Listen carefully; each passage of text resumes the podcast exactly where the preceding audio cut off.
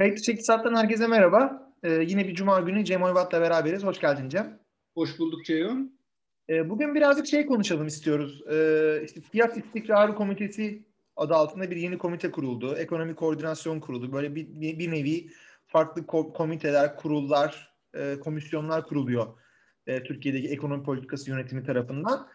E, bu kurulların işte işe yararlığı, yani özellikle mesela fiyat istikrarı anlamında yani enflasyon anlamında e, etkin olup olmayacaklarını biraz konuşalım. Hani ekonomi teorisinden yola çıkarak e, konuşalım istedik bugün Cem'le beraber. Şimdi ben önce bir giriş yapayım isterseniz. Yani şimdi yakın zamanda biliyorsunuz geçtiğimiz günlerde e, ekonomi yönetimimiz e, fiyat istikrarı komitesini kurdu. E, bunun içerisinde işte genelde tabii şey yok. Akademisyenlerden vesaire görüş alırız veya sektör temsilcilerinden görüş alırız denmekle beraber e, sektör temsilcileri veya akademisyenlerden çakılı üye yok bu kurullarda. E, bakanlık temsilcileri ve Merkez Bankası temsilcisi var, başkanı.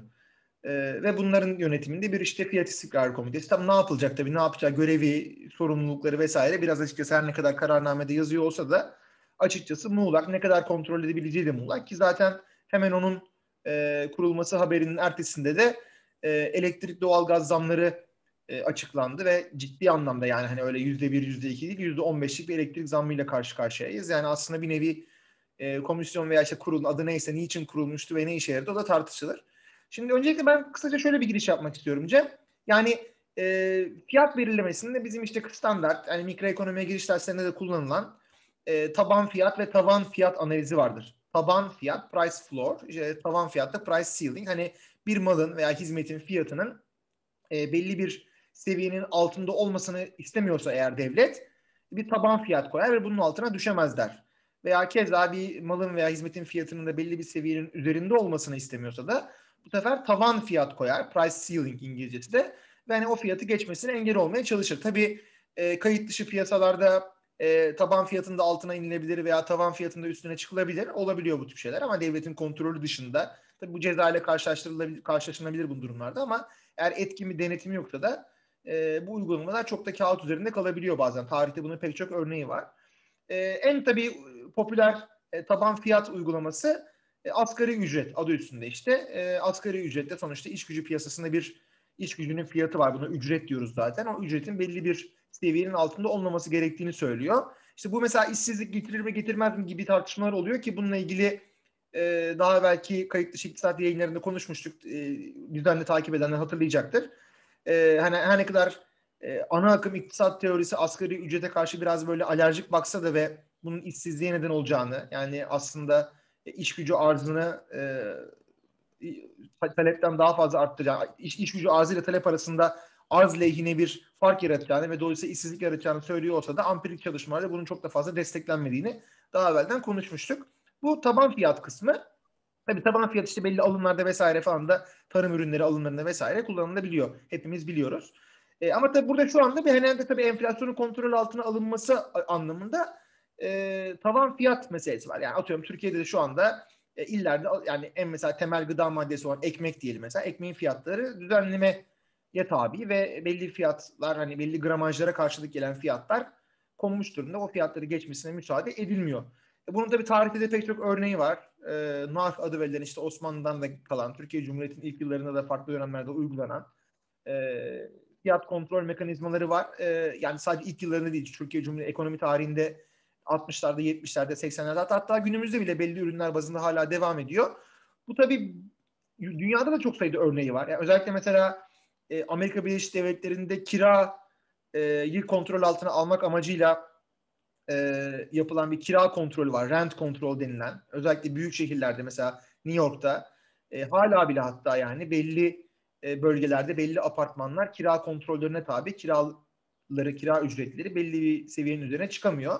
Tabi bununla ilgili işte bunun e, konut kalitesini çok düşürdüğü, çünkü işte e, konut sahiplerinin konutlarına yeterince ilgilenmemesi ve bakımlarıyla ilgilenmemesine doğurdu ve aslında kaliteli anlamında çok ciddi bir düşüş getirdiği ile ilgili belli çalışmalar da var. Ama tabii bunun bir yandan da e, alt gelir gruplarına çok da e, faydalı olmasını savunan, faydalı olduğunu savunan daha doğrusu e, çalışmalar da var. Şimdi tabii burada bizim bu fiyat istikrarı komitesi ürün bazında bir fiyat kontrolü yapacak mı, yapmayacak mı?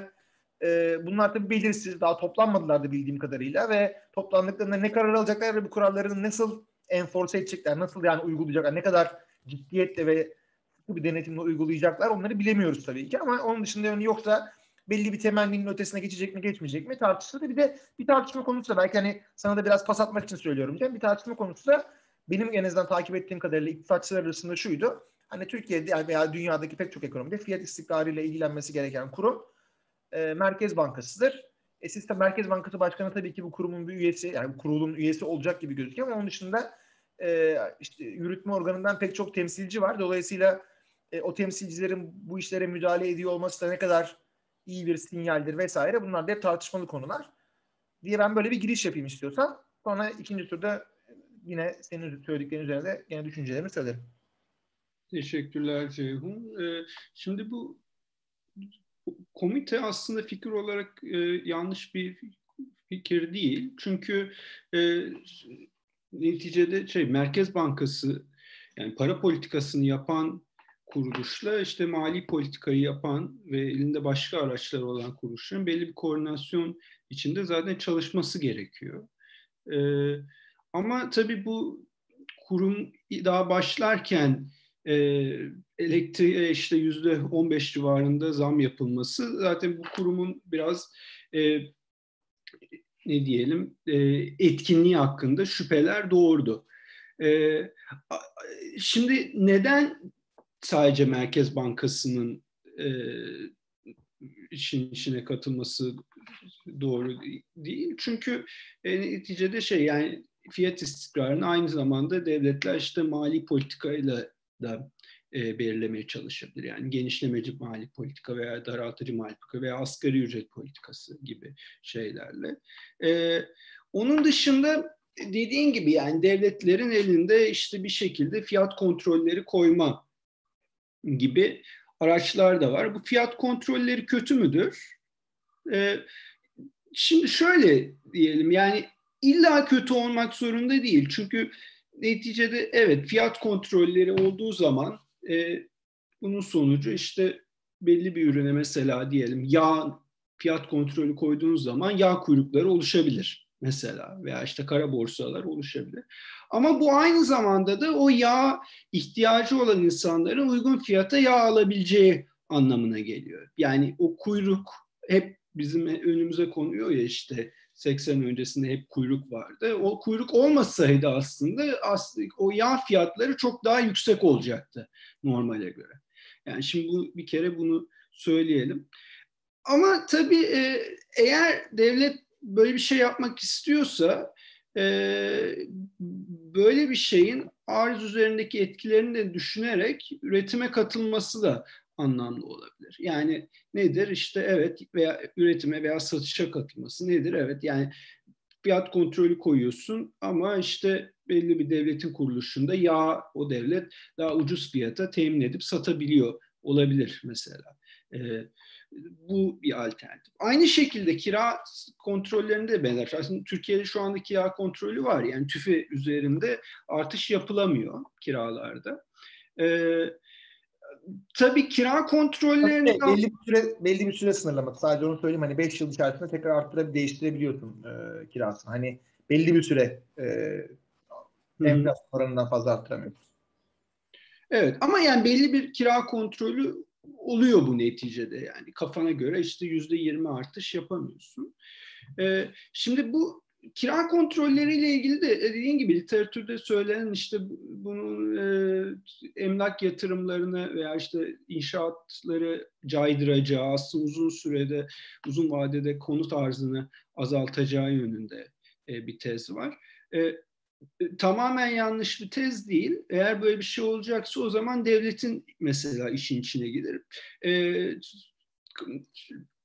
e, kendisini şey yani TOKİ gibi kuruluşlar veya başka kuruluşlarla yani insanlara ev temin edebiliyor olması lazım. Yani yani kira artışı nedeniyle eğer konut arzında bir kısıtlama olacaksa bunu devletin e, işin içine girip çözmesi lazım. Ki aslında Türkiye'de şu anda inşaatta arz fazlası var. Yani talepten çok.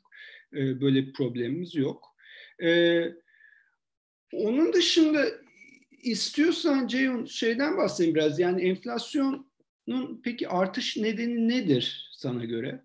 E, ve bu artış nedenini eğer anlarsak belki daha e, doğru politikaları uygulayabiliriz. İstersen sen devam et burada. Aslında tam bu noktada belki senin hazırladığın bu grafiği göstermekten ve bu soruya cevap vermek açısından da iyi olabilir diye düşünüyorum. Bilmiyorum sen ne düşünüyorsun ama bu e, şekli paylaşalım e, yayında şu anda.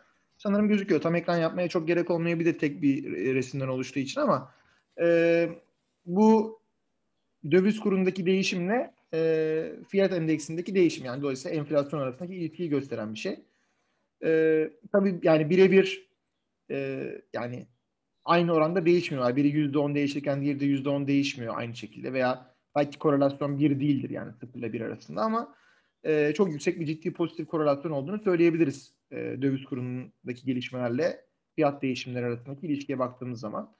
Dolayısıyla aslında hani Türkiye'nin şimdi bir açık ekonomi olarak döviz, yani mesela bu enerji fiyatları için de aslında böyle. E, bir dünyadaki enerji fiyatlarından bağımsız değil yani sadece işte elektrik fiyatı da tabii enerji fiyatlarıyla beraber dalgalanıyor, hareket ediyor. Keza doğalgaz da öyle, keza petrol de öyle ve benzin fiyatları da öyle. E, ve dolayısıyla e, o hani sonuçta dışarıdan gelen fiyatlar Türk lirasının da tabii döviz kurlarına karşı değer kaybıyla beraber birleşince e, tabii ciddi bir fiyat artışı olarak yansıyor e, ekonomiye. Bu birincisi. İkincisi tabii o şeyi de söyleyeyim belki orada hani başka bir gerekçe olarak da e, şimdi tabii genelde biz hani fiyatların değişimini işte arz yanlısı faktörler veya talep yanlı faktörler diye bakabiliriz. Çünkü Türkiye'de aslında ikisinden de kaynaklı belli sorunlar var.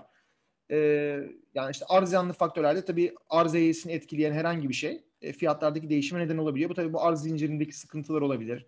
E, işte mesela Türkiye'de zaten e, arz tarafından gelen fiyatların yani TÜFE ile TEF arasındaki farkın inanılmaz derecede açılmasından hareketle de aslında e, arz tarafının daki belirleyiciliğin biraz daha azaldığını söyleyebiliriz. Çünkü doğrudan tüketici fiyatlarına yansımıyor bir noktada e, arz tarafındaki sıkıntılar ama yine de belirleyici oluyor bir noktaya kadar.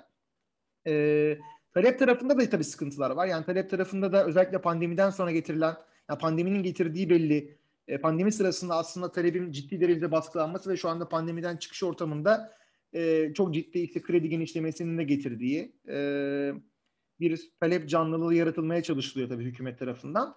Biraz büyümeyi de ivmelendirmesi amacıyla öyle bir herhalde sahip var arka planda. E, onun da tabii enflasyon etkisi oluyor ama onların ötesinde aslında bir biraz da ben şeyden de bahsetmek istiyorum. Yani tabii bu arz yanlısı faktörler, talep yanlısı faktörler bunlarla bir noktaya kadar kontrol altına alabilirsiniz belki ama ciddi derecede beklentilerle de ilgili. Yani enflasyon birazcık da böyle kendi kendini gerçekleştiren bir kehanet olduğu için yani tırnak içerisinde işte İngilizce tabiriyle self-fulfilling prophecy olduğu için enflasyondan ziyade enflasyon beklentileri önemli. Ve tabii Türkiye'de enflasyon beklentileri oldukça bozulmuş durumda. Yani e, kaç yıl hatırlamıyorum ama herhalde 7-8 yıldır falan Merkez Bankası'nın e, hedef enflasyonu yüzde beş. Tabii hiçbir zaman yüzde beş gerçekleşmedi. Bir ara yani oraya doğru gidiyorduk ama hiçbir zaman yüzde beş gerçekleşmedi. Şu anda da onun hayli uzağındayız. Ee, ve dolayısıyla bu beklentileri çok ciddi derecede bozuyor. Ee, ve hani beklentileri bozduğu için de tabii e, dış kırılganlık, döviz kurundaki kırılganlık, e, işte siyasi istikrarsızlık, tabii siyasi istikrarsızlıktan kastım aynı partinin iktidarda olması değil, e, hani aynı partinin politikalarındaki iktidar istikrarsızlık, e, işte Merkez Bankası Başkanı'nın mütemadiyen görevden alınması sıklıkla, e, işte tutarsız e, iktisat politikası kararları vesaire. E, e, bunlar tabii güven ortamını bozuyor. Hani ben böyle çok da böyle işte piyasaya güven vermeliyiz falan konuşmaları çok sevmiyorum ama bu sadece piyasaya güven anlamında değil. Hani hane halklarının kararlarında, işverenin kararlarında, işçilerin kararlarında, beyaz yakalı, mavi yakalı fark etmez. E, bunların kararlarını etkiliyor ve bunların kararları da tabii sonuçta yani bunların beklentileri, toplumun farklı kesimlerinin beklentileri de bence enflasyonun belirlenmesinin önemli bir kriter ve o da açıkçası çok bozulmuş vaziyette. Dolayısıyla hani toplumun ciddi bir kesimi e, enflasyonun bu seviyelerde olduğunu beklemeye başladıktan sonra daha aşağıda bir seviyedeki enflasyona gitmeniz, daha aşağıda bir dengeye gitmeniz de belli yapısal kırılmalar yaşamadan zor. Ee, yani o beklentileri etkilemek gerçekliği etkilemekten çok daha zor. Hani tabiri caizse öyle söyleyebilirim. Evet yani o önemli. Aslında şu anda Merkez Bankası'nın bir enflasyon hedefi var yüzde beş dediğin gibi evet. ama kimse o hedefe inanmıyor. Dolayısıyla aslında bir enflasyon hedeflemesi re, reel olarak yapmıyor Merkez Bankası. Yani neticede kimsenin inanmadığı e, bir hedeften bahsediyoruz. E, onun dışında beklentileri bozan e, şeylerden birisi de belki e, insanların TÜİK'in enflasyon rakamlarına güveninin azalıyor olması. Çünkü TÜİK bir rakam söylüyor. Mesela yüzde on altı, yüzde on yedi. Ama eğer insanlar gerçek enflasyon yüzde yirmi beş olduğuna inanıyorsa mesela e, böyle bir durumda insanlar yüzde beşe, yüzde yüzde yirmi beşe göre kendi fiyat artışlarını ayarlayacaklar. O da aslında çok olumsuz bir şey. E, yani o anlamda kurumların e, güven kaybetmesi de e, enflasyon artışını destekleyen bir mekanizma. E, yani ne desteklemiyor mesela enflasyon artışını? Bir kere bence şey e, kamu harcamalarındaki artış özellikle son dönemde enflasyonun üzerinde çok önemli bir etkisi yok. Çünkü biliyoruz işte pandemi zamanında e, kamunun tüketim harcamaları bilakis ekonomik büyümenin altında gerçekleşti. Hatta sen de kendi çalışmalarından biliyorsun. Türkiye pandemi döneminde en az e, kamu desteği veren ülkelerden birisi. Dolayısıyla o kanaldan bir enflasyon üzerinde çok e, kötü bir etki yok. Yani zaten daha fazla e, mali politikayı sıkamazsın şu e, pandemi döneminde. Ücret artışları da e, e, desteklemiyor. Çünkü geçen haftalarda tartıştık. Toplam ücret ödemeleri mesela Türkiye'de taş çatlasın yani yüzde onun altında kalmış milli gelir verilerine göre reel olarak. Öteki tarafta işletme artığının artışı yüzde kırkın üzerinde kalmış. Yani son dönemde de özellikle reel ücretlerde düşüş oldu. İşsizlikte büyük düşüş oldu. Yani emek kısmının aslında harcama kapasitesinin ve e, onun yaratacağı talebin etkisi e, enflasyon üzerinde çok sınırlı böyle baktığınız zaman.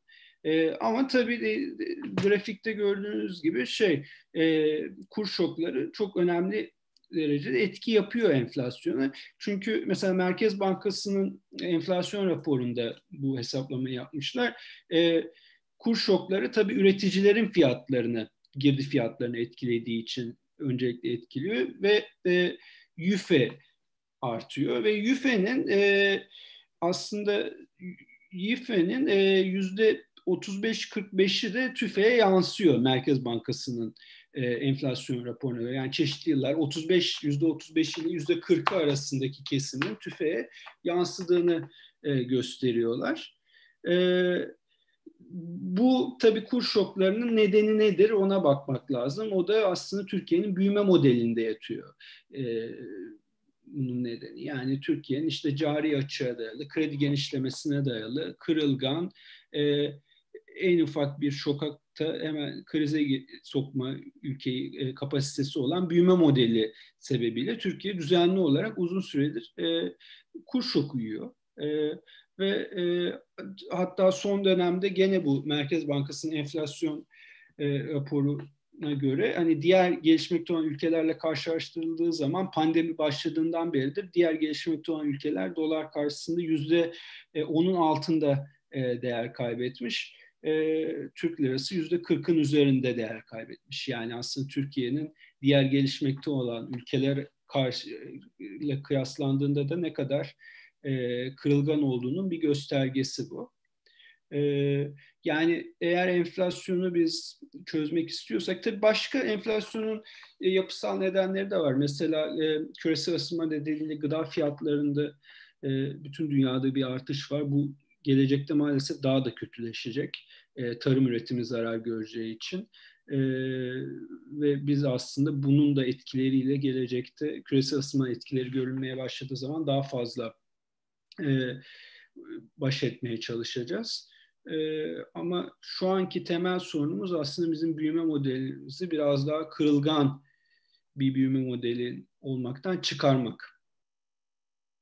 Yani burada da bir yüksek kurumlara güven anlamında da yani sonuçta şu anda iktisat politikası ciddi derecede güven telkin etmiyor yani insanlara. Bana etmiyor en azından yani. E, bu yapılan hani dediğin gibi aslında en başta dönecek olursak böyle bir komite kurmak illaki kötü bir şey olmayabilir. Hani ben hani en baştan direkt doğrudan her türlü böyle en baştan buna karşı çıkmıyorum tabii ki ama e, Merkez Bankası'na bu kadar müdahalede bulunurken e, işte kredi büyümesi mesela geçtiğimiz yaz aylarında bu kadar çok sırf günü kurtarmak adına e, pohpohlanırken e, işte döviz kuruna aslında çok daha farklı araçlarla özellikle mesela kurumsal güven anlamında e, müdahale edilebilecekken sadece işte böyle panikle bilmem kaç yüz milyar işte dolar satışıyla müdahale edilmeye çalışırken falan tabii böyle bu ortamda böyle bir iktisat politikası ortamında enflasyonu kontrol altına almakta gene böyle kurul da kursanız, komitede kursanız, kararnameyle fiyat artışlarını yasaklasanız da e, mümkün değil.